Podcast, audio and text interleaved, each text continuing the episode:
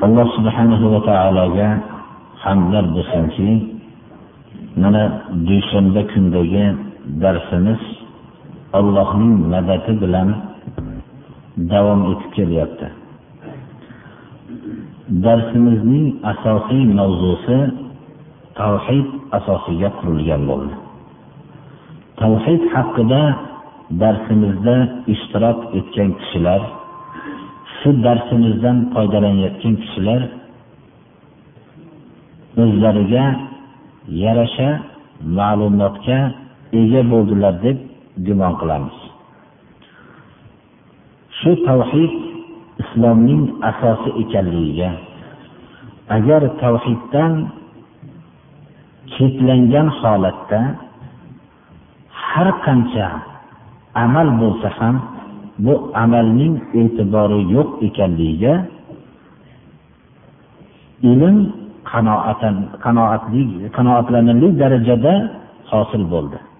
Darsimizda ishtirok etgan kishilar va shu darsimizdan foydalangan odamlarga bugungi darsimizni mavzusi agarchi jami madrasa masjidi avvalgi kunlarida dars qilib o'tilingan bo'lsa ham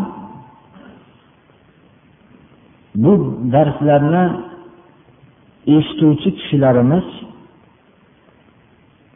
bu darslarga tayyor bo'lmaganligi tarafidan hisobga olinib yengilroq suratda o'tilgan. Inshaalloh bugundan shu darsimizni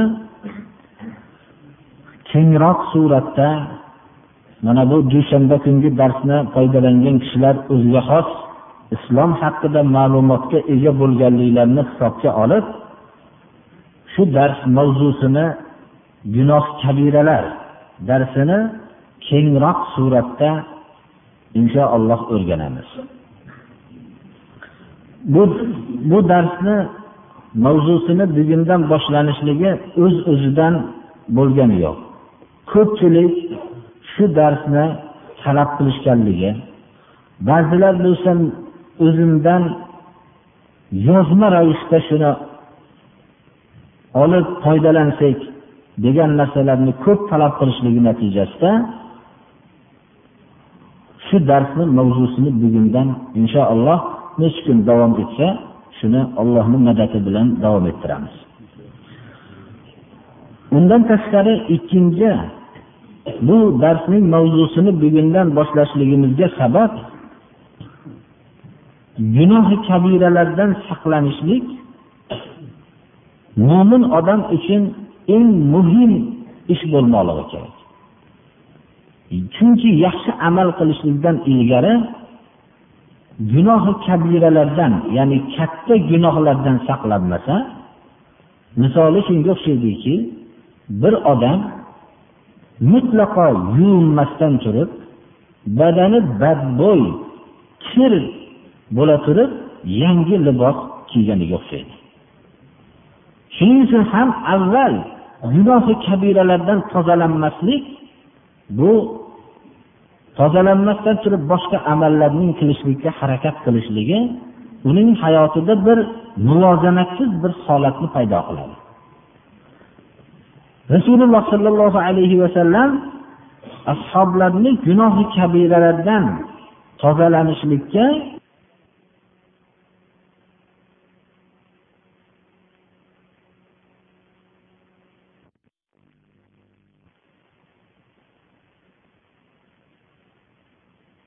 tozalanishlikka juda ko'p ehtimom berganlar. Inshaalloh darsimizning davom etgan kunlarida bu ehtimomni biz qur'oni karim qanchalik ehtimom berganligi va hadisi shariflar qanchalik ehtimom berganligini inshaalloh darsni o'rganuvchi kishilarimizga aniq bir ma'lum bo'lishligi mumkin. Gunoh kabiralar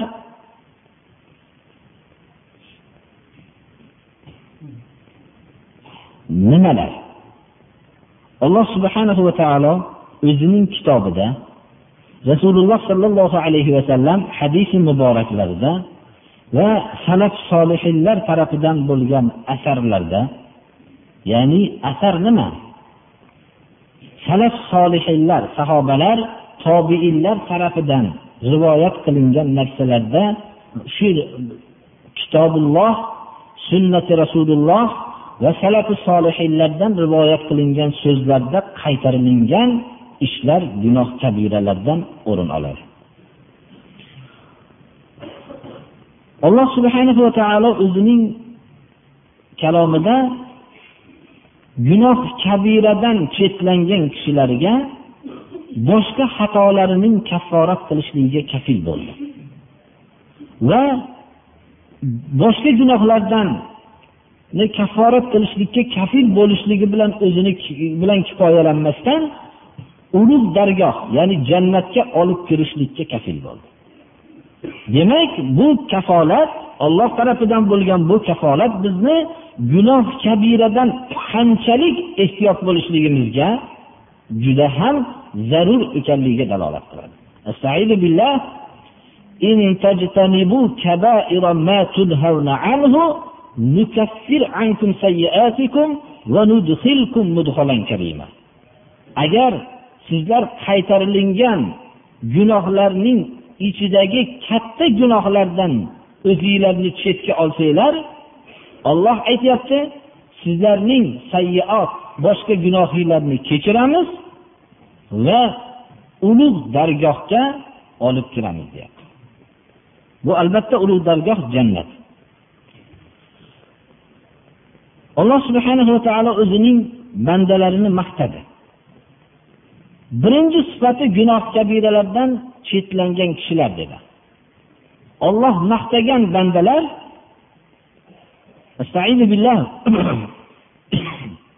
والذين يجتنبون كبائر الإثم والفواحش وإذا ما غضبوا هم يغفرون gunohlarning kattalaridan chetlangan kishilar ollohning maqtagan bandalari fohisha buzuq ishlardan o'zini chetga olganlar g'azablangan vaqtida g'azabi kelgan vaqtda kechirgan kishilar dedi boshqa oyatlarda yana والذين يجتنبون كبائر الإثم والفواحش إلا اللمم إن ربك واسع المغفرة gunohlarning kattalaridan va buzuq ishlardan tiyilgan ishlar kishilarni olloh maqtadi boshqa suralarda ham Illallaman kichkina gunohlardan ijtinob qilolmasligini insonni tabiatini alloh taolo bayon qildi. Dedilar rasululloh sollallohu alayhi vasallam. Odamni farzandi bo'ladigan bo'lsa ko'p xato qilib turadi. Xato qiluvchilarning ko'p xato qiluvchilarning eng yaxshisi tavba qiluvchilar dedi alloh taolo.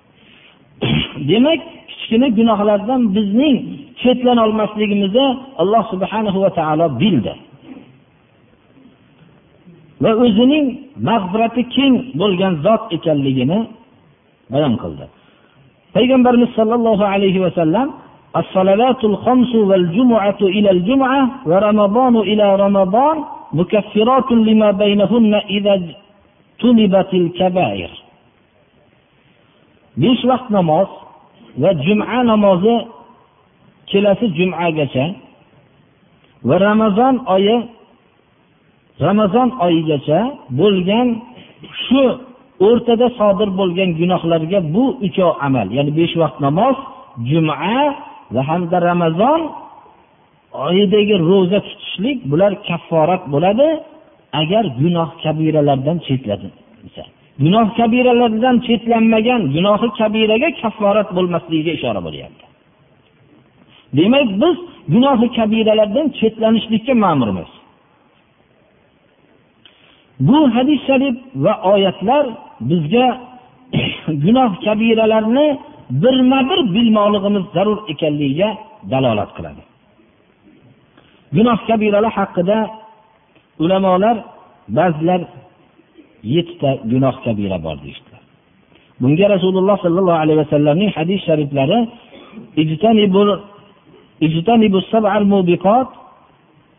yettita halok qiluvchi narsadan saqlaninglar chetlaninglar degan hadis sharifni dalil qilishdilar birinchisi ashirku billah va sihru va qatlu nafsi allati harramallohu illa bil haqq va aklu malil yatim va aklu riba va tavalli yawmaz zah va qazful muhsanatil g'ofilatil mu'minat hadis sharif muttafaqun alayh imom buxoriy imom muslim rivoyat qilganlar va sunan abu dovudda va imom nasoiyni hadis to'plamlarida keltirilgan.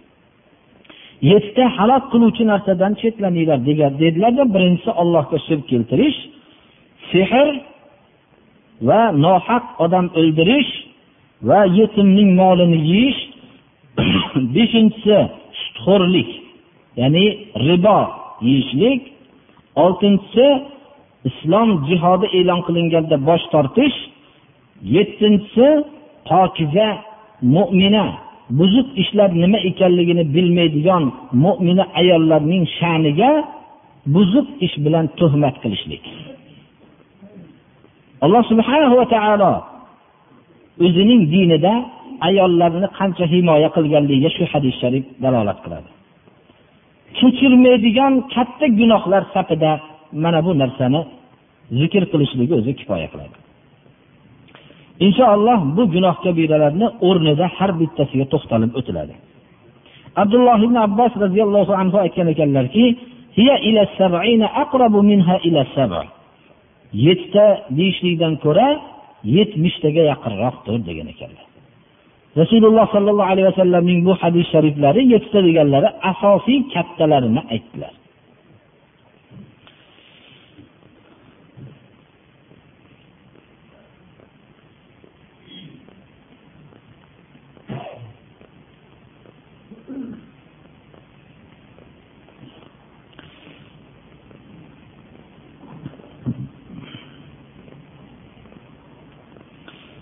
Gunoh kabiralar odatda rasululloh sollallohu alayhi vasallam tarafidan vaid bo'lgan so'zlar dunyoda had uriladigan jazolari bo'lgan gunohlar va egasiga qiluvchisiga la'nat e'lon qilingan gunohlar bu gunoh kabiralar jumlasidan hisoblanadi. Ba'zi gunoh kabiralar ba'zilaridan kattaroq ekanligiga payg'ambarimiz sollallohu alayhi vasallamdan rivoyat qilingan hadis sharif dalolat qiladiki allohga shirk keltirishlikni gunohi kabiralarning ichidagi eng kattasi dedilar. Demak gunoh kabiralarni ichida kattaroq va undan ko'ra kichikroq o'zi lekin gunohi kabira bo'lsa ham katta gunoh bo'lsa ham boshqa gunoh shirkka nisbatan kichikroq bo'lgan gunohlar bor ekan. Chunki shirkni alloh subhanahu va taolo kechirmaydi.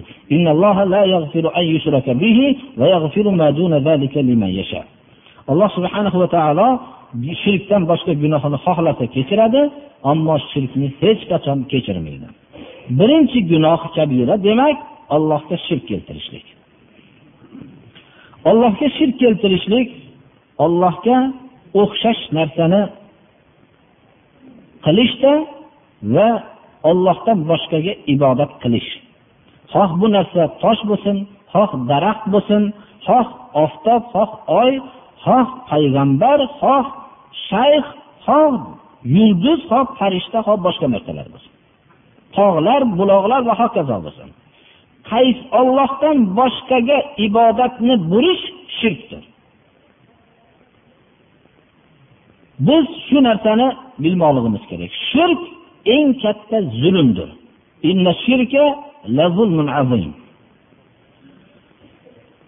Alloh subhanahu va taolo ollohga sharik qilgan odamga jannatni harom qildi.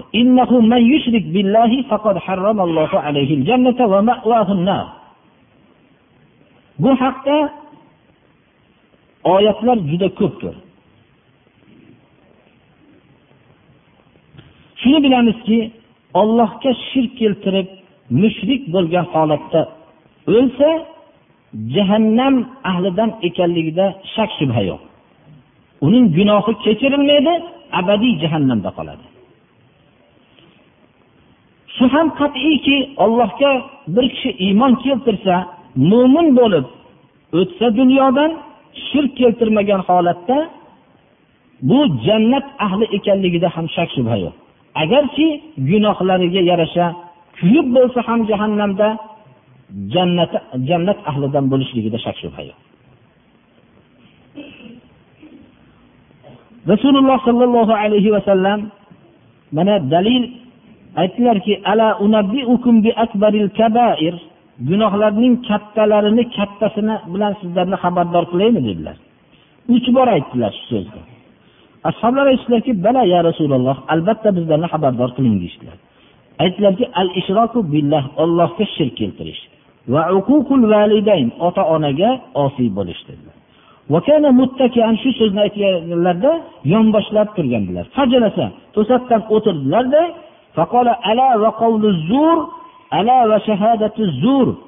yolg'on so'z yolg'on guvohlik berish deb takrorlardilarda hatto bas qilsalar bo'lardi dedik. Rasululloh sollallohu alayhi vasallamning so'zlariga mushtoq bo'lgan sahobalar endi bas qilsalar bo'lardilar deydigan darajada ko'p takror qildilar. Chunki birovning yolg'on guvohlik berishlik bilan birov qatl qilinishligi mumkin yoki birov o'zi mahbus bo'lib mazlum bo'lib qolib ketishligi ham mumkin.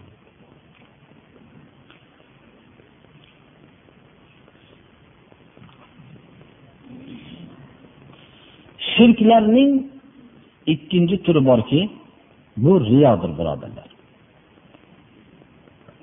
amallar bilan riyo qilishlik alloh subhanahu va taolo riyo amalini qabul qilmaydi فمن كان يرجو لقاء ربه فليعمل عملا صالحا ولا يشرك بعبادة ربه أحدا kim robbiga ro'baru bo'lishlikni umid qilsa solih amalni qilsin robbining ibodatiga birovni sharik qilmasin. Qur'oni karim iborada juda daqiqdir. Ba'zi kishilarga birovni sharik qilmang desa biz u zamoni johiliyatdagi makkadagi odamlar sharik qilayotgan toshlarni sharik qilayotganimiz yo'q biz.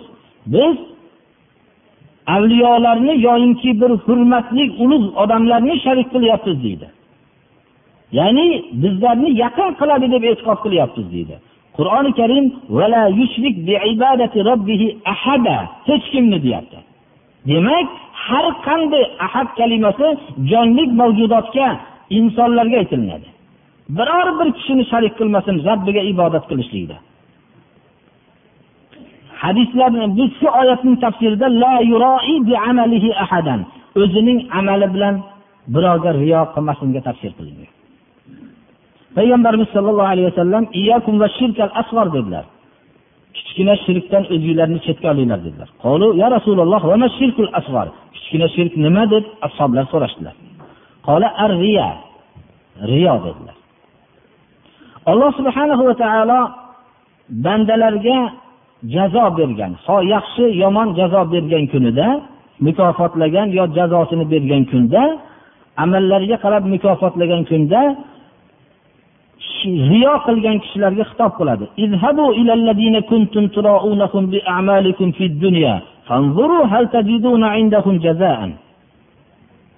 Ahmad ibn hambal musnatlarda keltirganlar.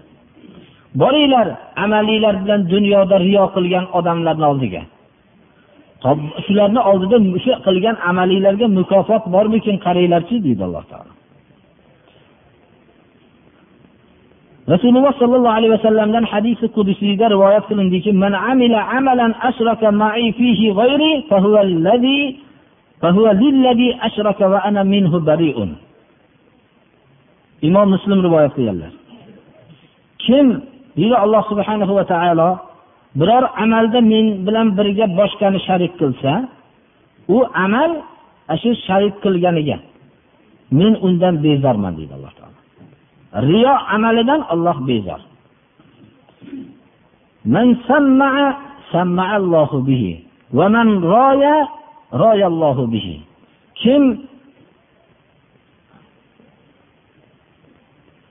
suma birov eshitsin deyishlik. Kim birovlar eshitsin deb amal qilsa alloh taolo shu birovlar eshittiradiyu unga mukofot bermaydi. Kim birovlar ko'rsin desa alloh taolo shular ko'rsin deb alloh subhana va taolo unga hech qanday mukofot bermaydi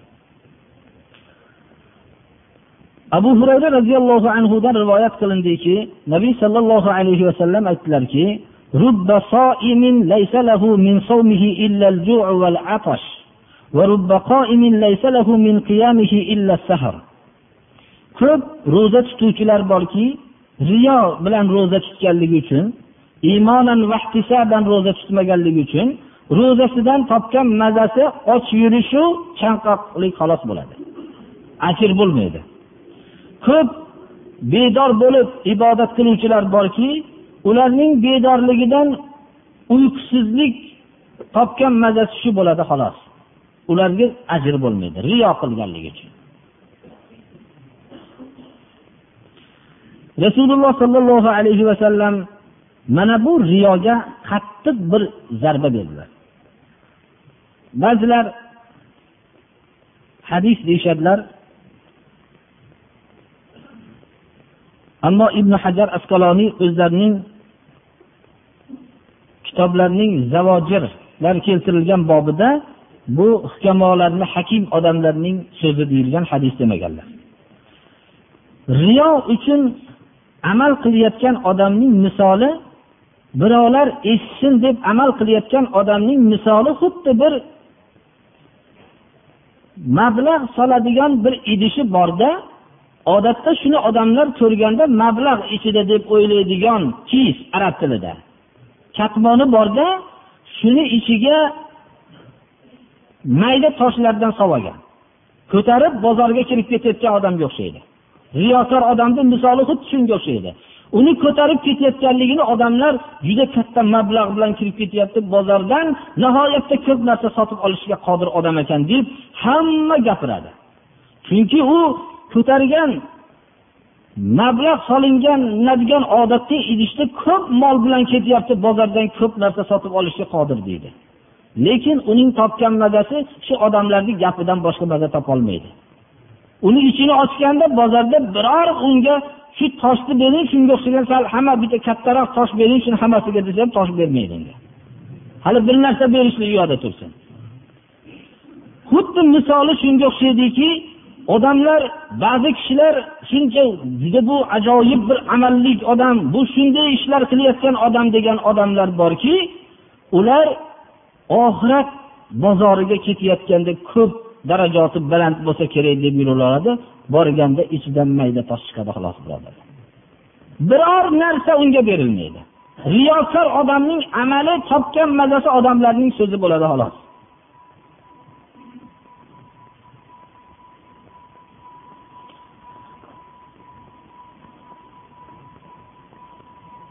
Rasululloh sollallohu alayhi vasallamdan adiy ibn hotimi toi roziyallohu anhu rivoyat qiladilarki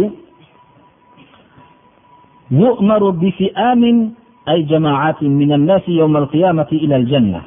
حتى إذا دنوا منها واستنشقوا رائحتها ونظروا إلى قصورها وإلى ما أعد الله لأهلها فيها نودوا أن يصرفوهم عنها فإنهم لا نصيب لهم فيها. فيرجعون بحسرة وندامة ما رجع الأولون والآخرون بمثلها.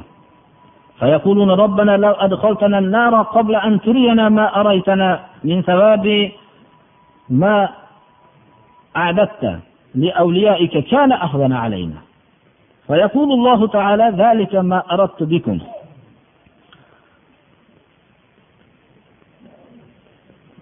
rasululloh sollallohu alayhi vasallam aytdilarki bir necha jamoalarga qiyomat kuni jannatga tarafga yurishlikka buyuriladi Ular jannatga yaqin kelishganda jannatning hidi burunlariga urganda ular jannatning qasrlarini uzoqdan ko'rishganda va alloh subhana va taolo jannat ahliga hozirlab qo'ygan mukofotlarni ko'rishganda ularga nido qilinadiki bularni buringlar degan xitob bo'ladi.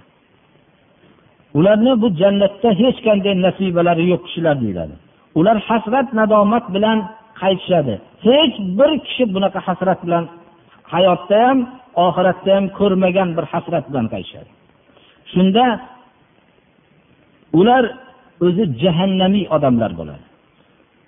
Ular aytishadiki o'tga bizlar shu jannatni ko'rmasdan kirib ketganimizda yaxshi bo'lardi. Bunchalik azob tortmasdik deydi.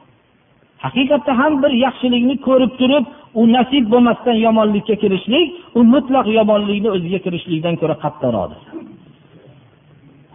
Shunda bular hayotdagi hadisning mazmuni shuki qilgan riyolariga ular ham katta amallarni qilyapti degan so'zlarni mukofotiga shu katta joylarni katta rohat joylarni ko'zlari bilan ko'rib ammo haqiqatda azobga kirishliklari mana bu alloh subhana va taologa qalblardan hech narsa bermaganligiga dalolat qiladigan hadis qudusiydir odamlardan haybatlandinglaru mendan haybatlanmadinglar deydi alloh subhanahu va taolo. Odamlarni ulug'ladinglaru meni ulug'lamadinglar deydi. Rasululloh sollallohu alayhi vasallamni oldiga bir kishi kelib so'radilarda najot najot nimada? dedilar. Payg'ambarimiz sollallohu alayhi vasallam alla ollohni aldayman deb harakat qilmasliging dedilar. Shunda kayfa ollohni qanday odam aldashga harakat qiladi? Qanday ollohni aldayman deydi birov. Deganlarda aytdilarki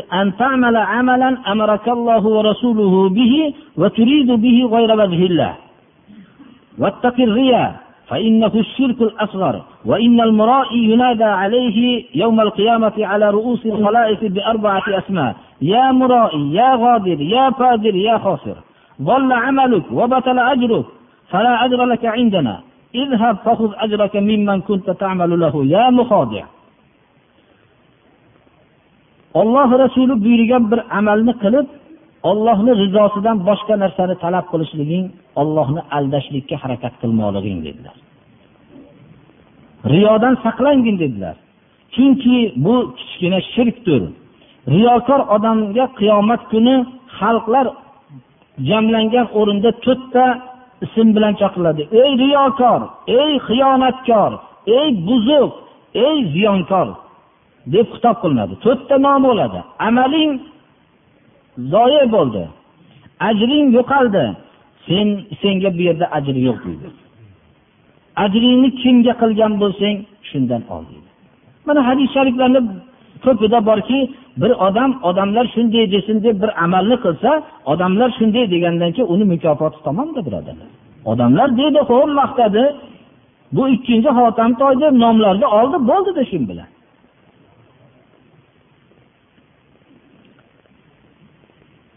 Ba'zi hakim odamlardan so'raldiki muxlis odam kim? Amalini xolis qiluvchi odam kim deyilganda javob bergan ekanlarki xatolarini qanday bekitsa yaxshiliklarini shunday bekitgan odam haqiqiy muxlis odam degan ekanlar. Amalini xolis qilyapman deb davo qilsa o'zicha shunday bo'ladi. Iyoz roziyallohu anhu bu kishi horun rashid davrida o'tgan ulug' kishilardan hisoblanadi. Bu kishidan so'ralgan ekan shu riyo nima deganda ixlos nima shirk nima degan savol qilganda bir ajib javob bergan ekanlar. Degan ekanlar. Odamlar uchun odatda qilib yurgan amalini tark qilishlik riyo degan ekanlar. Odatda bir amalni qilib yurardi odamlar nima der ekan shuni qilsam deb fikr bilan shu amalni qilmay qo'yishlik riyo degan ekanlar. Odamlar ko'rsin deb odamlar uchun amal qilishlik shirk degan ekanlar ixlos bo'lsa alloh subhana va taolo ikkovidan ham seni salomat qolishligi qoldirishligi. Ya'ni odamlar uchun odatda qilib yurgan amalni qilaverishlik va odamlar uchun biror bir amal qilmaslik mana bu ixlos degan ekanlar alloh subhana va taoloni rahmati bo'lsin bir ajib bir sharh qilganlar. Biz birodarlar riyo degan narsani u kishi shirk deyaptilar. Ba'zi vaqtda inson o'zining yaxshi bir amali bor uch to'rtta odamni deb turib shu amalni qilmaydi.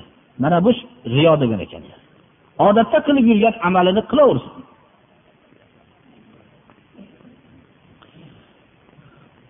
Gunoh kabiralarning ikkinchisi nohaq odam o'ldirishlik. alloh subhanahu va taolo ومن يقتل مؤمنا متعمدا فجزاؤه جهنم خالدا فيها وغضب الله عليه ولعنه وأعد له عذابا عظيما kim mo'min kishini qasd bilan o'ldirsa ya'ni qotil odamni qatl qiluvchi mo'minni o'ldirsa va shuni qasd bilan o'ldirsa uning jazosi jahannamdir. Jahannamda abadiy bo'ladi. Olloh unga g'azab qiladi. Olloh unga la'nat qiladi va unga katta azobni hozirlab qo'yadi. Qur'oni karimda alloh subhana va taolo o'zining pokiza bandalarini nohaq odam o'ldirmaydigan kishilar deb ko'p sifatlar qatorida mana bu sifatni ham aytib o'tdi. Alloh subhanahu va taolo qur'oni karimda nohaq odam o'ldirgan kishini yerda qasob ish qilgan odamni qasob bilan odam biror bir fasod sodir bo'lmasdan odamni qatl qilgan bo'lsa yo bo'lmasa ma'no shuki nohaq odam o'ldirgan.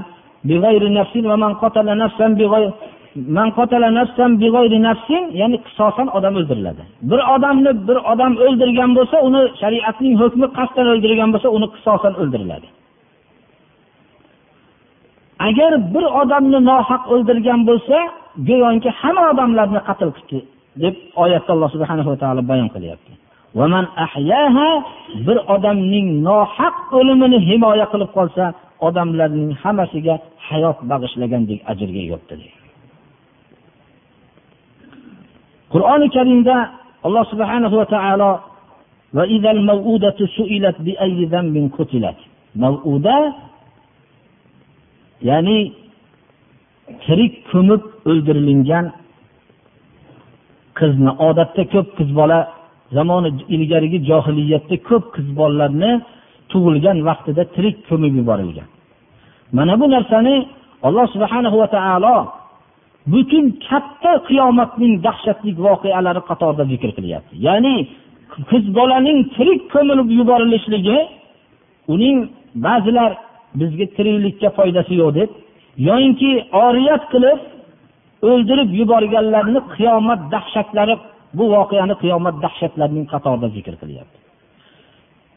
Makki mukarramadagi rasululloh sollallohu alayhi vasallam payg'ambar bo'lib kelishliklaridan ilgari zamoni johiliyatda qizlar o'ldirilardi ammo inson nahotki o'zini farzandini ham shu darajada o'ldiriladimi ko'mib yuboradimi degan fikr tug'iladi. Lekin u vaqtda qizlar ko'milayotgan bo'lsa hozir o'g'il qiziga qaramasdan ko'mib ham hurmat qilmayapti balki axlatxonaga tashlab ketyapti.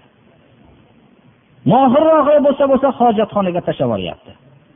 Mana bu islomning hayotdan jilishligi bilan har qanday madaniyat fazoga uchishlik foyda bermasligiga dalolat qiladi. Inson madaniyati insondagi ma'naviyatning o'sishligidir har qancha moddiy taraf rivojlanishligi bilan ma'naviyat ya'ni iymoniki ma'naviyatning o'sishligi asosiy sabab bo'lgan iymoni islomida mana bu iymoni islom bo'lmasligi bilan eng o'zining o'zining fikricha madaniy sanagan odamdan ham o'zining farzandini faqat o'ldirishlikni emas balki yirtqich hayvon ham bajarolmaydigan ishni bajarishligi mumkinki hojatxonaga tashlab yuborishlik bo'lib ham ilgarigi johiliyatda bu narsani tirik holatda bo'lsa ham tuproqqa ko'mib bir tomonlama johiliy fikr bilan aytganimizda hurmatlab buning jasadini shunday ko'mib kelgan bo'lsa endi bo'lsa hojatxonaga tashlab u kim? Ona tashlab yuborishligi onaiki hayotda eng uning asosiy sifati o'zining farzandiga mehribonlik bilan mashhur bo'lgan onani bo'lib ham najas o'zining najasi qatorida tushayotgan joyga tashlab yuborishligi bu insonning naqadar bir islomdan uzoqlashgandan keyin vahshiy hayvondan ham o'tib ketishligiga dalolat qiladi. Mana bu voqeani alloh subhana va taolo islom kelib qizlarni tirik ko'milishligini qiyomatning qattiq dahshati qatorida bu dahshatli voqea yer kurrasining hammasini alangaga kirib tamomiy suvlarning yonib ketishligi qatorida zikr qilinishligi islom qanchalik tug'ilgan bolaga ota onasidan ham mehribon bo'lganligini alloh subhana va taolo mana bu mehrni o'zining islomini jo'natishligi bilan va rasululloh sollallohu alayhi vasallamni butun olamga rahmat qilib jo'natganligiga dalolat qiladi.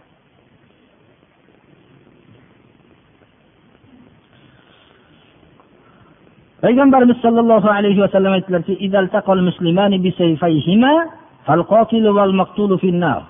agar ikkita musulmon takror ikkita musulmon qilichlari bilan ikkovining qo'lida qatlga sabab bo'ladigan asbob bilan ro'baro bo'lsa o'ldiruvchi va o'ldirilgan jahannam o'tida dedilar.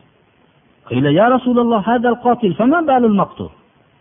ho'p bu qotilu haqiqatda jahannam o'tida. Bu maqtul nima? Uni aybi. Deganlarda aytdilarki bu ham sharigini o'ldirishga haris edida. Iloji bo'lganda bu o'ldirardi. Bu hadisdan biz shuni tushunaylikki agar o'rtadagi adovat sababi bilan qattiq bir biri bilan qarama qarshi bo'lib jang qilsa ya'ni urushsa yoyinki asabiyat bir tarafga tarafkashlik qilib yoyinki dunyo talab qilib yo raislik talab qilib yoyinki bir baland martabani talab qilib mana bunday bo'lgan vaqtda jang qilsa mana bu tarafda shu qotil bilan maqtul jahannam o'tida deydi. Tushunarlimi? Ammo masalan savol tushadiki zamoni saodatning oxirgi davrlarda ali ibn abi tolib roziyallohu anhu va ba'zi musulmonlar o'rtasidagi bo'lgan kelishmovchiliklar u xalifaga qarshi chiqishlik ishtihodi bilan bo'ldi. Bular unday narsa emas birodarlar tajovuz ammo lekin biz shuni tushunaylikki tajovuzkorlik asosida bir odamga tajovuz qilsa u o'zining mudofaa qilishlik maqsadida qatl sodir bo'lib qolsa bu hozirgi aytilingan gunohga kirmaydi. Chunki u mudofaa qilishligi kerak o'zini.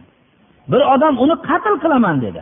Masalan yo'l to'sar tariq qaroqchi odam uni o'ldiraman deb to'sgan vaqtida o'zini mudofaa qilishligi uni o'ldirishlikka bu haris emas. Lekin o'zining mudofaa qilishlikka haris bo'lib turgan holatda qatl sodir bo'lsa bu javobgarlik bo'lmaydi.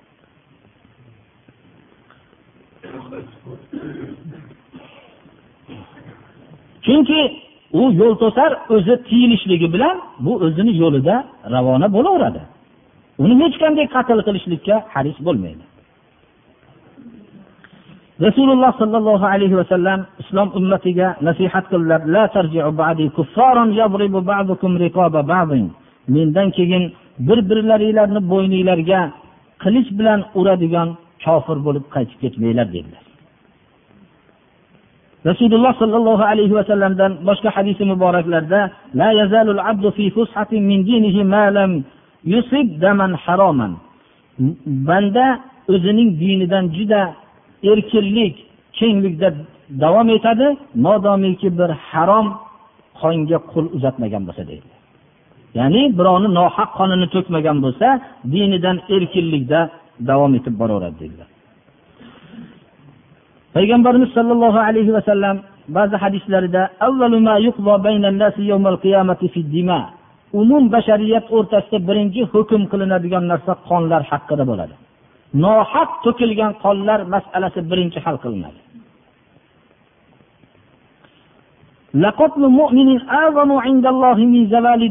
Dedilar rasululloh sollallohu alayhi vasallam.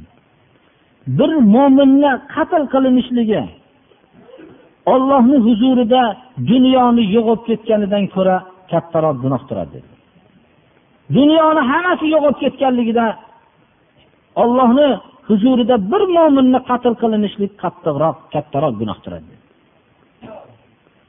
mana yettita halok qiluvchi narsalardan ehtiyot bo'linglar degan narsaning bittasi nohaq odam o'ldirishligi avvalgi hadislarda aytilib o'tildi.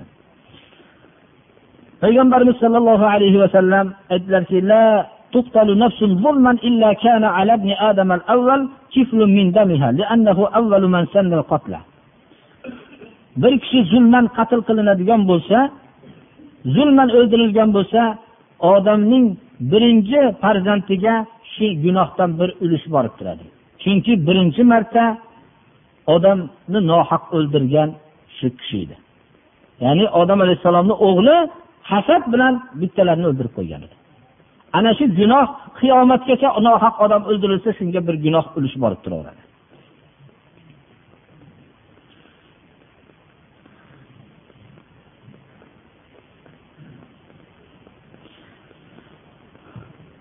rasululloh sollallohu alayhi vasallam aytdilarki ألا من قتل نفسا معاهدة لها ذمة الله وذمة رسوله فقد أخفر ذمة الله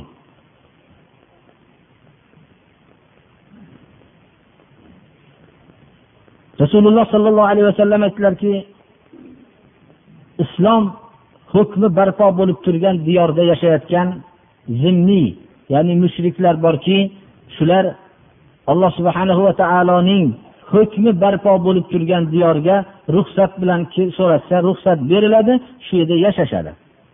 Shuni muahid deyiladi ya'ni ahd berganki islomga zarar yetkazmayman deb ahd berganda shu yerda yashaydi. O'zining aqidasi bilan yashayveradi o'zining shirki bilan yashayveradi iymonni qabul qilmagan o'zi. Mana bu ollohning zimma himoyasi rasulining himoyasida bo'ladi bular. Kim shunday himoya talab qilib ruxsat bilan kirgan mushrik bo'lsa ham ya'ni ahd berilgan uningga zarar yetkazmaslikka ahd berilingan shu odamni qatl qilsa ollohning himoyasini buzibdi. Ollohning tarafidan bo'lgan bunga ahdni buzibdi jannatning hidini ham tatiyolmaydi jannatning hidi ellik yillik masofadan kelib turadi dedilar rasululloh sollallohu alayhi vasallam demak mo'min komil odamni qatl qilgan odamlar jannatning hidini tatiyolmasligida shak shubha yo'qdir من أعان على قتل مسلم بشطر كلمة لقي الله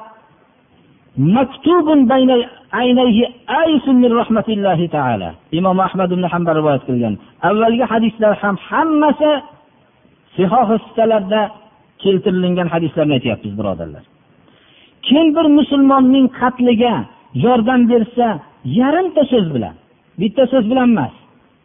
Ya'ni ba'zi so'z ishora qilib qo'yishligingiz ko'zingizni qimillatib qo'yishligingiz ham birovni qatliga sabab bo'lib qolishi mumkin.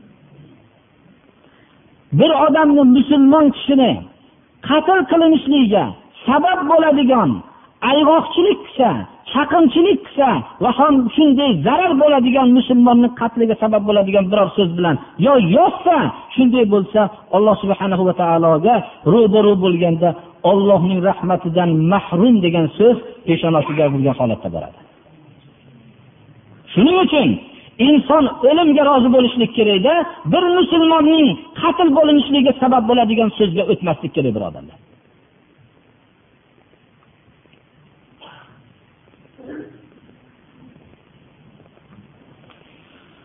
Uchinchi gunoh kabiralardan sehrdir.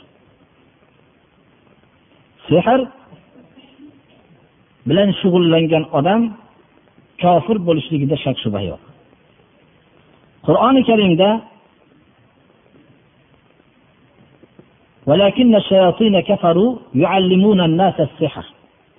shaytonlar kofir bo'lishdi uning sababi odamlarga sehr o'rgatgan edi.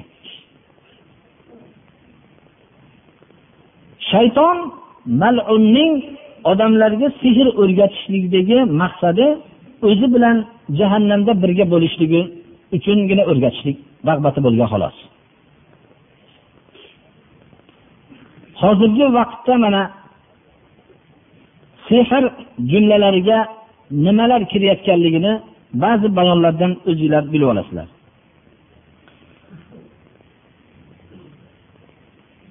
Er kishini ayol kishidan jinsiy tiyilib qolishligiga harakat qilishlikka harakat qilayotgan odamlar sehr bilan shug'ullanayotgan odamlardir. Bir kishini ayoliga muhabbatli bo'lishlik uchun harakat qilayotgan kishilar ya'ni sehr uslubida. Uni nasihat boshqa uslubda emas birodarlar.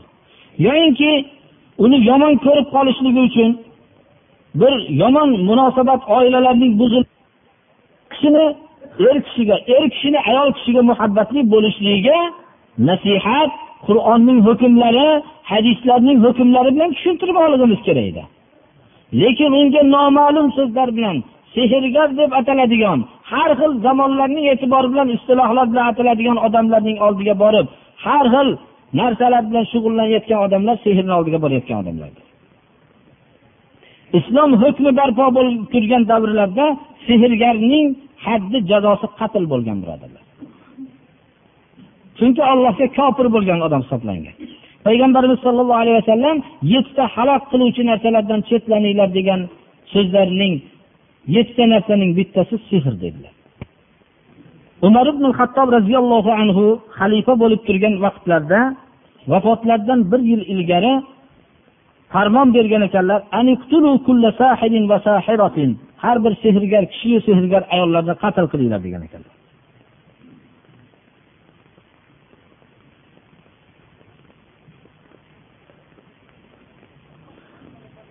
Alloh azza va jalla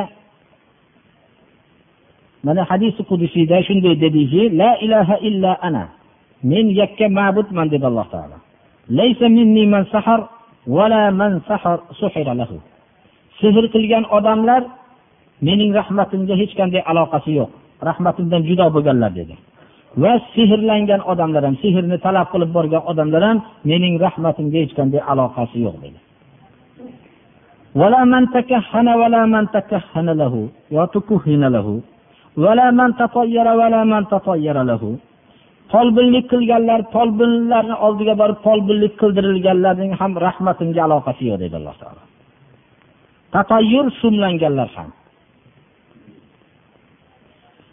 Ali ibn abi tolib roziyallohu anhudan rivoyat qilingan hadis sharifda payg'ambarimiz sollallohu alayhi vasallam aytdilarki uch toifa jannatga kirmaydi dedilar. Mukkasidan ketib mast qiluvchi ichimlikni ichib yurgan to'xtamasdan ichadigan bu jannatga kirmaydi dedilar. Olloh aloqa qilishlikka buyurgan qarindoshlardan aloqasini uzgan ham jannatga kirmaydi dedilar. Sehrni tasdiqlab yurgan odamlar ham jannatga kirmaydi dedilar. Ahmad ibn hambal o'zlarini musnatlarida zikr qilganlar. Abdulloh ibn masud roziyallohu anhudan hadisi marfuda rivoyat qilinadiki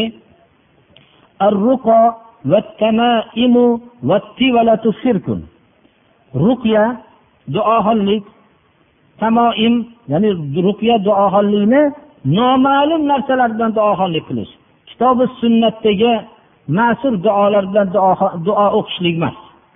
Duoxonlikni kasb qilib noma'lum narsalar bilan xususan bo'lib ham umrida mustahab qilmagan odamlar hozir duoxon bo'lib ketgan birodarlar. Tamoim tumorlar va tivala shirk dedilar. Shunda tivala nima deb so'rashganlarida abdulloh ibn masud roziyallohu anhu javob bergan ekanlarki ayol kishini erga yaxshi ko'rsatishlik uchun qilinadigan amallar tivala degan ekanlar. Shirk degan ekanlar. Tamoim nima? Tumorlar. Biz ko'proq shuni eslatib qo'ymoqchimiz. Johil odamlar o'zlariga va farzandlariga va minadigan narsalariga osib olgan narsalar. Bu davo qilishadiki buni ko'zni tiyadi deb. Uni ichida nima bor birov bilmaydi. Bunga kim e'tiqod qiladigan bo'lsa shirk amalidir bu. Lekin ruqya duo o'qishlik qur'on bilan ollohning ismlari bilan bu narsa mumkin ruxsat bo'lgan narsadir. Nabiy sollallohu alayhi vasallam imom hasan va imom husayn roziyallohu anhuni ba'zi vaqtlarda duo o'qib qo'yadilar mashhur mana o'qigan duolari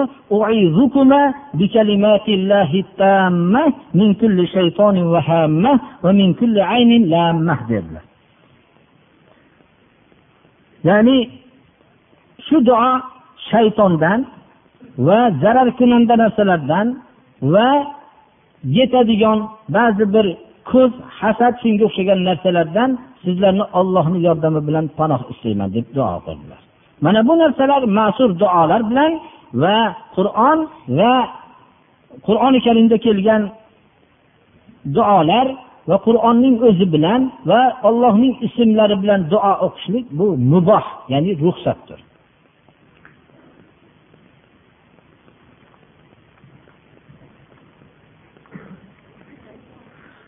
To'rtinchi gunohi kabiralardan namozni tark qilishlikdir. alloh subhanahu va taolo qur'oni karimda o'zining marhamat qilgan bandalarni zikr qilgandan keyin ulardan kelgan qoldiqlarning yomon qoldiqlarini zikr qilganda ularning birinchi sifatini namozni zoyi qilganlar bo'ladi deb zikr qildi فخلف من بعدهم خلف أضاعوا الصلاة واتبعوا الشهوات فسوف يلقون غيا إلا من تاب وآمن وعمل صالحا bu yaxshi mening bandalarimdan keyin deydi alloh taolo bir qoldiqlar keldiki ular namozni zoyi qilgan va shahovatlarga ergashgan kishilar. Bular noto'g'ri yo'lga zalolatga ro'baru bo'lishadi. Magar tavba qilib iymon keltirib amali solih qilganlar bular mustasnodir deb alloh subhana va taolo yomon kimsalarning sifatlarini birinchisida namozni zoye qilganlar dedi namozni o'qimaganlar emas namozni zoye qilganlar.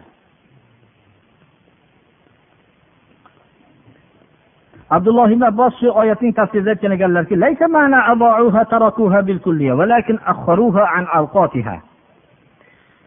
zoya qilishgan deganning ma'nosi butunlay tark qilishdi degani emas balki vaqtidan kechiktirishdi deganlar. Said ibn musayyab tobiinlarning imomi aytgan ekanlarki ألا يصلي الظهر حتى يأتي الأصر ولا يصلي العصر إلى المغرب ولا يصلي المغرب إلى العشاء ولا يصلي العشاء إلى الفجر ولا يصلي الفجر إلى طلوع الشمس. فمن مات وهو مصر على هذه الحالة ولم يتب وعده الله بغي وهو واد في جهنم بعيد قعره خبيث طعمه. Said musayyab tobiinlarning imomi bo'lgan bu kishi rahimaulloh aytadilarki bu zoya qilishni ma'nosi nima? Peshinda o'qimaydida to asr bo'lguncha o'qimay turaveradi. Asrni o'qimaydi to shom bo'lguncha. Shomni o'qimaydi to xufton bo'lguncha. Xuftonni o'qimaydi to ertalabki namozgacha. Ertalabki namozda ham kun chiqishini qarab turaveradi. Shungacha tahir qilaveradi. Kim shu holatda shu amalida davom etgan holatda o'lib ketsa tavba qilmasa alloh taolo g'ay g'ay bilan qo'rqitdi g'ay nima? G'ayda aytgan ekanlarki jahannamdagi bir chuqurligi nihoyatda chuqur bo'lgan vodiy degan ekanlar. U yerdagi bo'y nihoyatda badbo'y bo'lgan joydir degan ekan.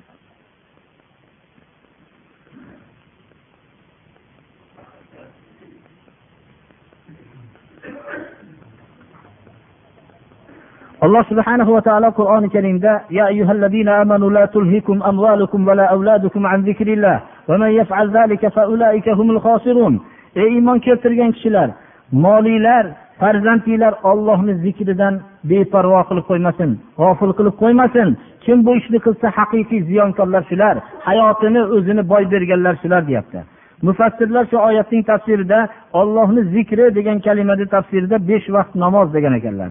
Qaysi bir odamni moli bilan bay'a oldi sotdisi bilan mashg'ul bo'lib namozni o'qimay qolsa yoyinki ekinzoriga mashg'ul bo'lib turib namozdan beparvo bo'lib qolsa yo farzandlari bilan ovora bo'lib namozni vaqtidan tahir qilsa u ziyonkor bo'lishligida shak shubha yo'q degan ekanlar. Nabiy sollallohu alayhi vasallam aytdilarki فإن صلحت فقد أفلح وأنجح وإن نقصت فقد خاب وخسر qiyomat kuni birinchi bandani hisob qilinadigan amal namoz dedilar kim shu namozni o'nglansa najot topadi kim shu namoz imtihonidan o'tolmay qolsa uni ziyonkor bo'lishiga shak shubha yo'q dedilar ahli jahannamdan qiyomat kuni boshqalar so'raydi sizlarni bu saqar jahannamga jahannam o'tiga nima narsa tushirdi Degan vaqtida birinchi sabab namoz o'qiguvchilardan bo'lmoqlik deydi. Payg'ambarimiz sollallohu alayhi vasallam aytdilarki biz bilan g'ayri dinlarning o'rtasidagi farq belgi namoz dedilar. Kim namozni tark qilsa kufr dedilar.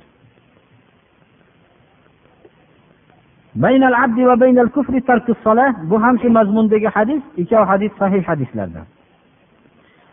Imom buxoriyni rivoyatlarida rasululloh sollallohu alayhi vasallam aytdilarki kim asr namozi birovdan tog' to'sa qilgan amallari habata bo'ladi dedilar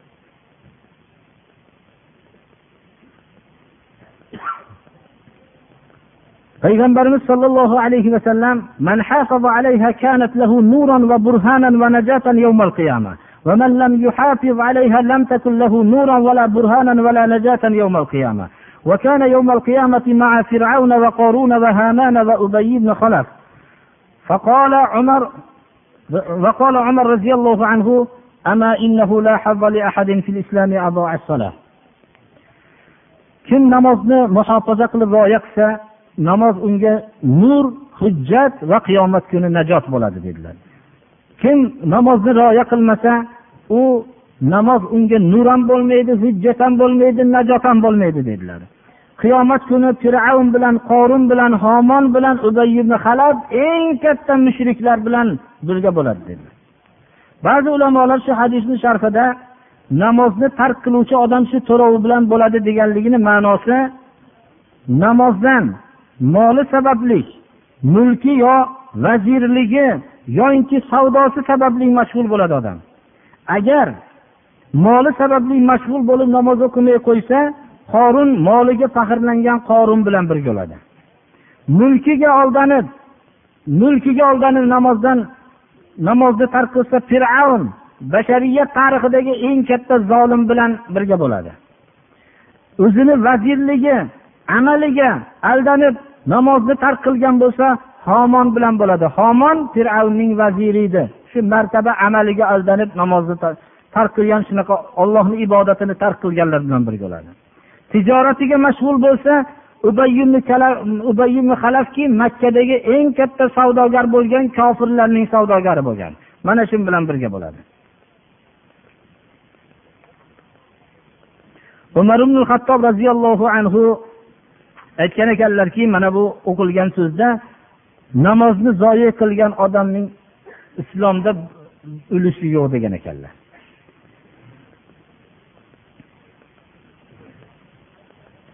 Bu so'zni ba'zilar aytishadilarki umar ibn hattobga ertalabki namozni hanjar urilgan vaqtda shu so'zni namozni davom ettiringlar dedilarda namozni zoye qilgan odamga islomda ulushi yo'q dedilar. Shu shu hanjar urilishi bilan jon taslim qilganlar.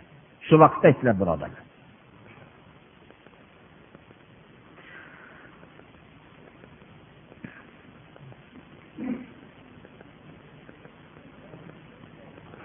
Shirkdan keyingi eng katta gunoh namozni vaqtidan tahir qilishlik birodarlar. Shuning uchun bilib qo'ymoqligimiz kerak.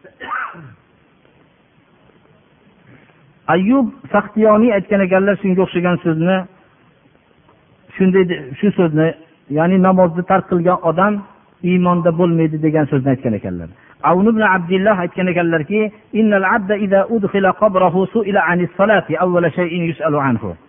qabrga kirishligi bilan birinchi namozidan so'raladi. Agar namozi to'g'ri bo'lib o'tsa undan keyingi amallarini tekshiriladi. Agar namoz o'tmasa undan keyin amaliga qaralmaydi.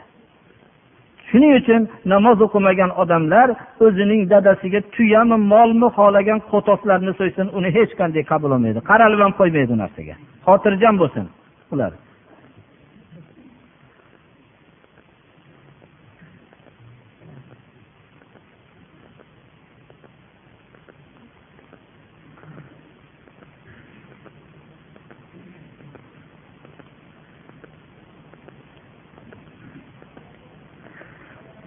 Namozga bolalarni buyurilishligi. Payg'ambarimiz sollallohu alayhi vasallam aytdilarki go'dak bolalarni namozga buyuringlar yetti yoshga yetganlarda dedilar. Namozni tark qiladigan bo'lsa o'n yoshda ham uni adablantirishlik uchun urib odob beringlar dedilar. Farzandinglarni avlod o'g'il qizlaringlarni hammasini namozga buyuringlar. Yetti yosh vaqtida. O'nga kirgan vaqtda qattiq ta'dib berib uringlar dedilar. O'rtalarini o'n yoshga kirganda o'rindiqlarni alohida alohida qilib qo'yinglar. Tarbiya ya'ni yotar o'rindiqlarni alohida qilib qo'ymoqligimiz kerak.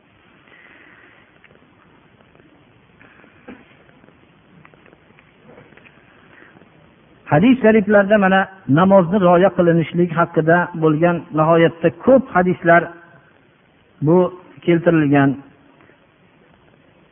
Payg'ambarimiz sollallohu alayhi vasallam ashoblarga aytdilarki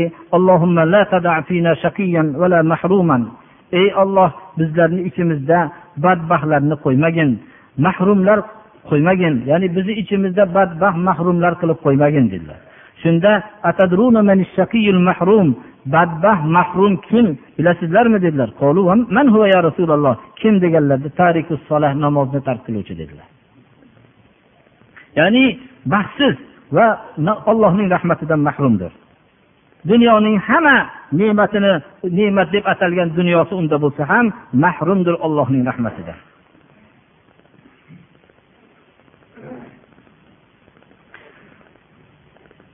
Namozni o'qishlikda birodarlar sajdalarni komil qilmaslik haqidagi dalolat qiluvchi hadislardan.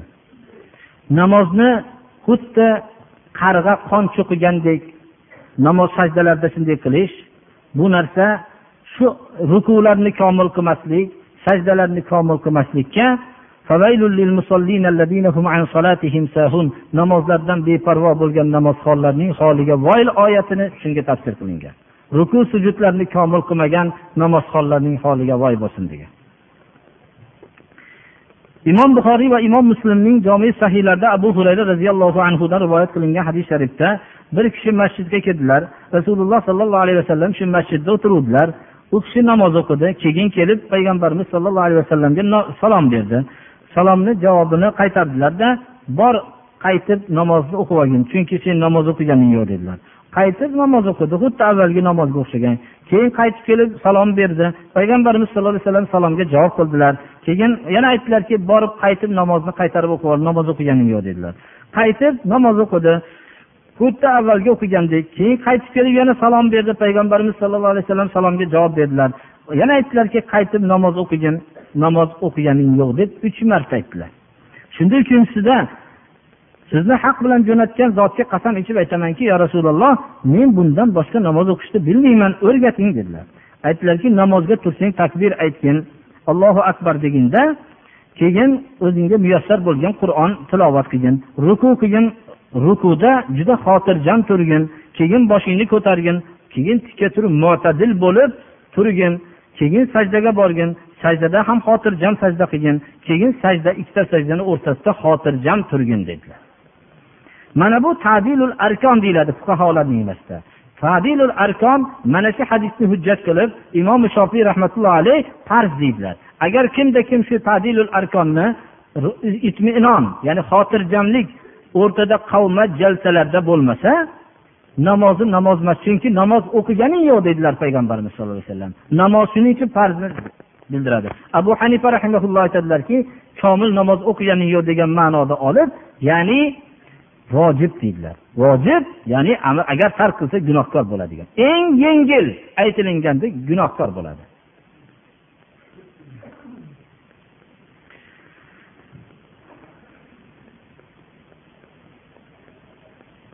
Payg'ambarimiz sollallohu alayhi vasallam eng katta o'g'ri namozda o'g'risi dedilar. Shunda namozdan qanaqa qilib o'g'irlik qiladi?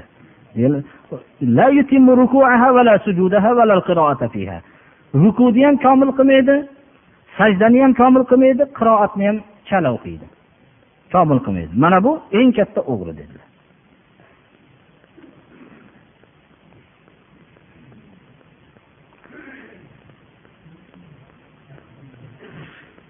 salmon porsiy roziyallohu anhu degan ekanlar namoz bir o'lchov kim bu o'lchovni komil qilsa unga ham komil beriladi. Kim yengil o'lchovni yengil bersa ibodatni yengil qilsa mutaffifin yengil beruvchilar haqida nima deganligini olloh nima deganligini o'zinglar bilasizlar ana qur'onda alloh taolo vayl e'lon qildi. O'lchovda yengil qiluvchilarni holiga voy dedi. Mana bu namozni o'lchovidan yengil o'qishlik holiga voy ekan. Mana bu salmon forsiyni tafsirlari. Payg'ambarimiz sollallohu alayhi vasallam bir kishini namoz o'qiyotganligini ko'rdi. Ya'ni rukuni ham komil qilmaydi sajdani ham komil qilmaydi. Bu e, yamoniy roziyallohu anhu ko'rdilar. Yamoniy aytdilarki namoz o'qiding. Agar shu namoz o'qishing bilan o'lib ketsang muhammad alayhissalomni yo'lidan boshqa yo'lda o'lasan dedilar. Mana bu narsa bilib qo'ymoqligimiz kerak.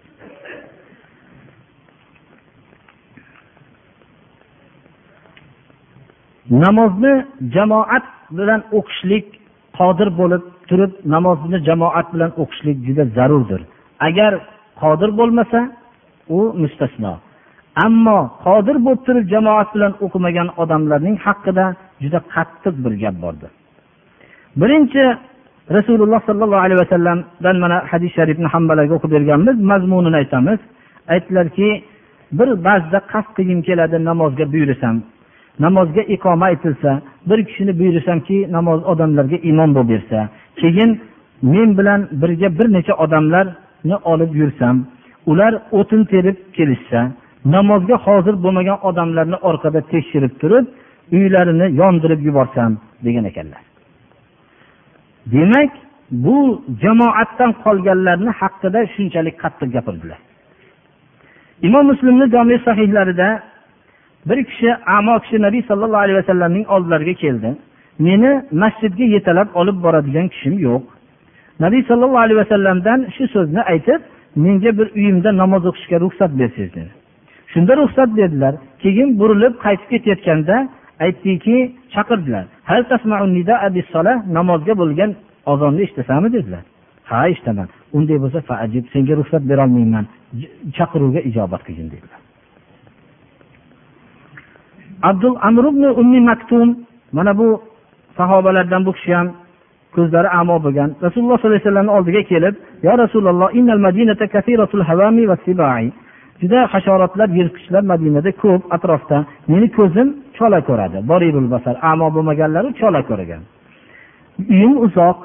Yetalovchim boru hech menga itoat qilavermaydi. Doim yetalab olib borishga malol kelib unamaydi. Menga ruxsat berasizmi uyda o'qishlikka deganlarda ozonni eshitasanmi? dedilar. Nidoni eshitasanmi? dedilar. Ha deganlarda unday bo'lsa sen nidoga ijobat qil men senga ruxsat topib berolmayman dedilar.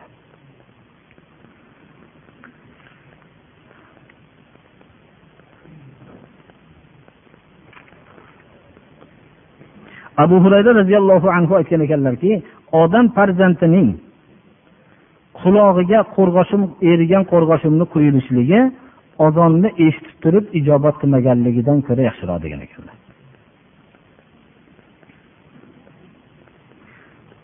Uzrga qo'rquv va kasallikni uzr deyilgan ekan. Qo'rquv ya'ni biror bir uni boshiga bir musibat shunaqa tushib qo'rquv bo'lib qolgan.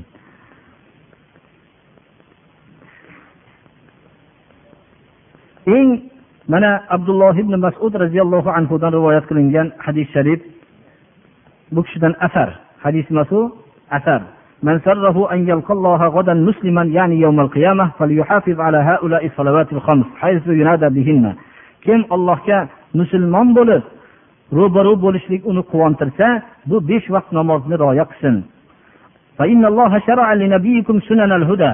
payg'ambaringlarga alloh taolo hidoyat yo'llarini tuzib berdi. Hidoyat yo'llaridandir bu jamoat bilan namoz o'qishlik. Agar sizlar uylarda namoz o'qisanglar xuddi mana bu uyda namoz o'qiyotgan odamlarga o'xshagan payg'ambaringlarni sunnatini tashlagan bo'lsanglar bo'lasizlar. Payg'ambaringlarni sunnatini tashlasanglar adashasizlar. Men shunday davrlarda yashadimki jamoatdan qolgan kishilarni aniq munofiq degan odamlar qolgan edi dedilar. Ba'zi kishilarni ikkita oyog'i yurmaganligidan sudrab oyog'i yerni chizib kelardi jamoatga. To safga kelguncha shunday qilinardi. Jamoat namozda hozir bo'lishi uchun shunchalik nima bo'lgan degan ekanlar. Rabi rabi ibn haysam allohni rahmati bo'lsin bu kishining bir tarafi ishlamay qoldi. Namozga chiqardilar ikkita tayoq bilan chiqardilar. Shunda aytdilarki yo abu muhammad sizga uyingizda namoz o'qishlikka ruxsat bo'ldiyu ma'zursizu? deganlarda to'g'ri men ma'zurman gapinglar to'g'ri lekin muazzinni namozga kel degan so'zini najotga kel degan so'zini eshitganimdan keyin hech chidolmayapman degan ekanlar. Xuddi najotga bormayotganga o'xshagan bo'lib qolyapman degan ekanlar. Kim ijobat qilishga qodir bo'lsak sudralib bo'lib ham shuni habvan ya'ni sudralib emaklab bo'lsa ham shunga qodir bo'lgan odam qilsin shu ishni degan ekanlar. Hotimul asom rahmatullohi alayh bu kishi aytadilarki jamoat namozi bir bor mendan paltoldi degan ekanlar. Abu ishoq al buxoriy jamoatdan qolganligimni eshitib menga ta'ziya bildirgani keldi dedilar. Agar mening farzandim o'lganda o'n minglabdan ko'ra ko'p odam kelib ta'ziya bildirardi. Chunki odamlar dinni musibati odamlarda e'tiborsiz bo'lib qoldi. Shuning uchun meniga bo'lgan bu musibatni hech kim tasalli bermadi dedilar. Faqat abu ishoq al buxoriy shu kishi tasalli berib keldi dedilar. Ba'zi salaf solihinlar aytishgan ekanlarki biror kishidan jamoat namozi paltogan bo'lsa bilingki shu odam bir gunoh ish qilgan shuning uchun paltogan degan ekanlar. Ibn umar rivoyat qiladilarki kim? Abdulloh ibn umar roziyallohu anhu umar ibn hattobni o'g'illari. Umar ibn hattob bir kuni bir bog'lariga chiqdilar. Bog'lariga chiqib qaytib keldilarda masjidga kelsalar asr namozi o'qil bo'lgan ekan. Shunda umar ibn hattob aytgan ekanlar va inna ilayhi rojiun degan ekanlar. Musibat vaqtida aytadigan so'zni aytgan ekanlar. Jamoat bilan asr namozi mendan fot bo'ldi. Guvoh qilaman sizlarni shu bo'stonim bog'im hammasi miskinlarga sadaqa shu qilgan umarning gunohiga kafforat bo'lsin degan ekanlar. Mana umar ibn hattob roziyallohu anhuning o'zlarining shaxsiy bir holatlaridagi tutgan amallari mana bu haqda ekan kechqurungi xufton namozi bilan ertalabki namozga hozir bo'lishlikka ehtimom ziyodaroq bo'lishi kerak. Chunki bu ikkita namoz munofiqlarga og'ir deyilgan hadis kitoblarida kim xufton namozi bilan ertalabki namozga og'irlashayotgan bo'lsa bilsinki munofiqlik qalbiga kirib kelayotganligini. Ubaydulloh ibn umar al qavoririy roziyallohu anhu aytgan ekanlarki jamoat bilan xufton namozi mendan hech palt bo'lmagan edi degan bir kun bir kechada mehmon kelib qoldi. Shu sabab bilan mashg'ul bo'lib xufton namozi mendan palt bo'ldi namozni basra shahrida yashaganlar bu kishi. Ubayd roziyallohu anhu bu kishi nihoyatda bir katta kishilardan hisoblanadi. Abu ubayd ya'ni bu kishini dadalari nihoyatda katta kishi bo'lganlar bu kishidan ham. U kishini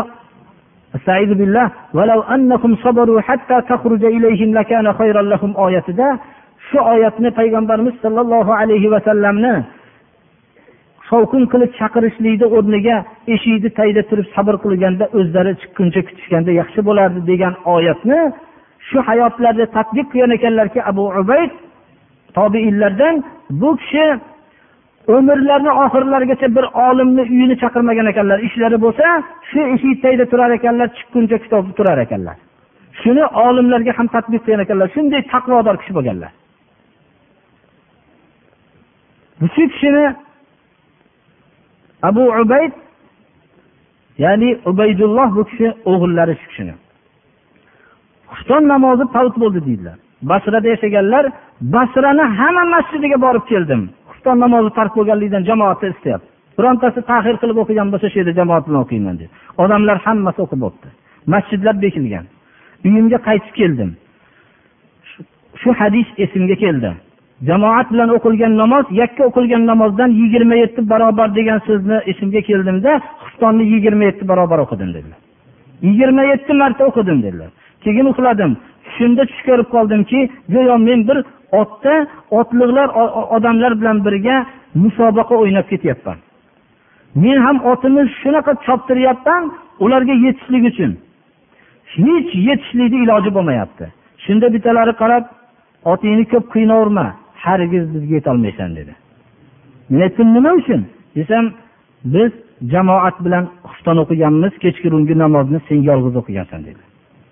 O'ylandim juda g'amgin bo'lgan holatda uyg'ondim hayotlarida bir marta er kechqurungi shu isho namozini tark qilgan kishining mana ubaydulloh ibn amrini umar al qaboriyni so'zlari.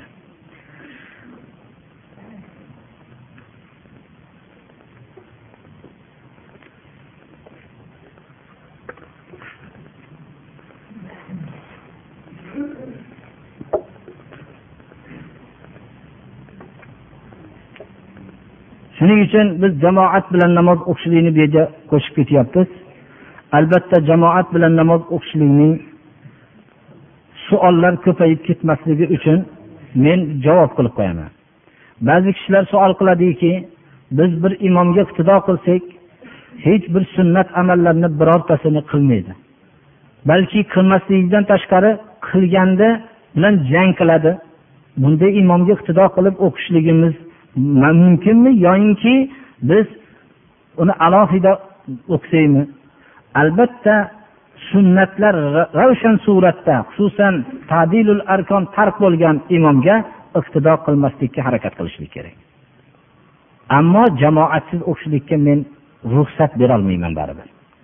Qanday bo'lsa ham jamoat bilan o'qish kerak. Yana savol qilinadiki masalan hech qanday bir qiroati yo'q. Shunaqa imomlarga iqtido qilsak qanday bo'ladi?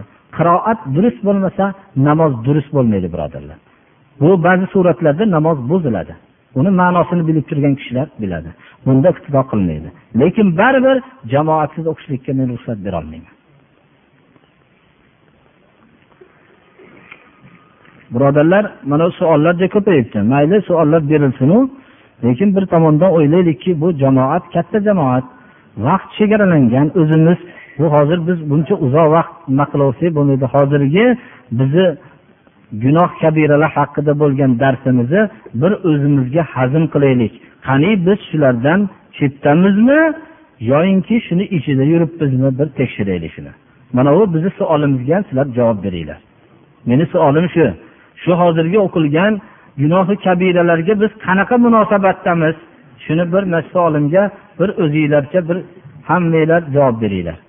Meni bitta savolim bor bunaqa ko'p savolim emas meni.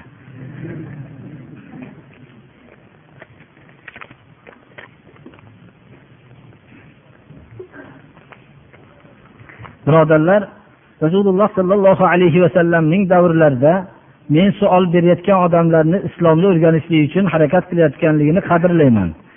Vallohu alam shu qur'oni karimda yasalunaka sizdan savol qilishadi degan savol yigirma uchta degan gap bor. Vallohu alam men hozir hayolimda yo'q. Qur'oni karimda sizdan savol qilishadi degan yigirma uchta yigirma uchta savol qilishgan ekanlar yigirma uch yilda. To'g'ri ba'zi qur'onda zikr qilinmagan hadislarda ham savollar bo'lgan. Lekin sahobalar suol qilishlikdan juda ham o'zlarini tiyishar ekanlar. Chunki zamoni saodatdagi suolni bir qattiq bir holatga ham kelib qolishligi mumkinki vahiy vaqtida bir narsani halol haromligi hali bayon qilinmaganda ruxsat bo'lgandan keyin indamay ruxsatni qabul qilaverish kerak. Ko'p suol qilinsa harom qilinib qolsa u narsa man bo'lib qolar ekan. Shuning uchun payg'ambarimiz sallallohu alayhi vasallam suolni xohlamas ekanlar. Qur'oni karimda ey iymon keltirgan kishilar ko'p narsalar haqida savol qilavermanglar deganlar. Undan tashqari sahobalar kam savol qilishar ekanlarda e, sahrodan arablar kelib qolishini olsa xursand bo'lishar ekanlar. Nimaga? Ular hech narsani o'ylamasdan tikka turishib sahroda yurgan dovyurak hech unaqa rioya qilmasdan savol qilishar ekanlarki biz ham ko'p narsani bilib olamiz deb savol qilishar ekan xursand bo'lishar ekanlar. Manaqa bir savollar meni qiynab qo'yadi birodarlar. Farzand o'g'il onaga ilm o'rgatsa bo'ladimi? Bu narsalarda savol bo'lmaslik kerakda ilmni kimdan bo'lsa o'rganamizda farzand qani endi bir onasiga ta'lim bersa. Bularni hamma bilishi kerak buni. Taloq haqida ko'p savollar bo'ladi. Bizni shu shariflarimiz eshitilsinki shunda taloq haqida sura baqarani tafsirida juda shu haqda mukammal so'zlarni aytib o'tganmiz.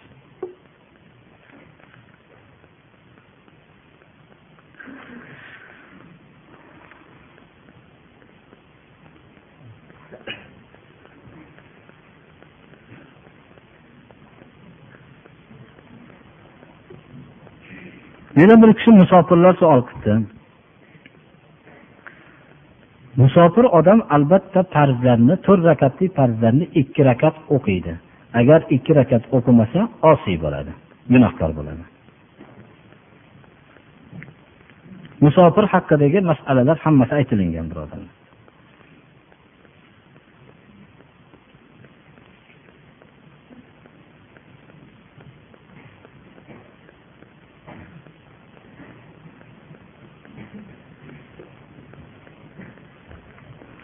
Komil iymonli odam deb kimlarni aytiladi degan savol bo'lyapti.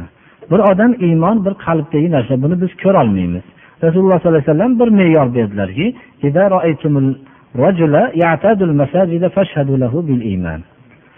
bir odamni masjidga o'zini bog'lab turganligini ko'rsanglar iymonli kishi ekanligiga guvohlik beringlar dedilar. Va shu iymonni alomatlari shu kalimalarga iymon keltirganligini o'zini oshkor qilgandan keyin iymonli kishi deymiz. Komil iymon deb iymonni butun tarmoqlarni hammasini bajargan odamni iymoni komil kishilardan deymiz. Bularni hammasini o'qiganmiz birodarlar. O'zi ozgina darsimiz sal cho'zilibroq qoldi. Alloh subhanahu va taolo hammamizni ham hozirgi gunoh kabiralardan alloh saqlasin bemorlarga alloh shifo bersin alloh subhanahu va taolo ilm o'qiyotganlarga alloh ilm bersin. Shu haqda bir narsa aytmoqchimanki birodarlar mayli. Alloh taolo dardlarga shifo bersin. Ko'p odamlar qalbida erib dadalarini boshqalarni duo qiling deydilar. Biz hamma bemorlarni duo qilaylik.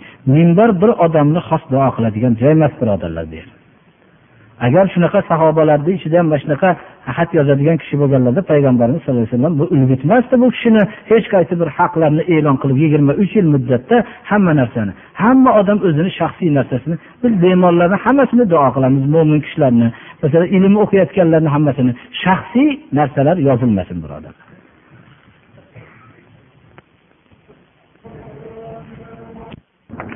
oltmish birinchi dars.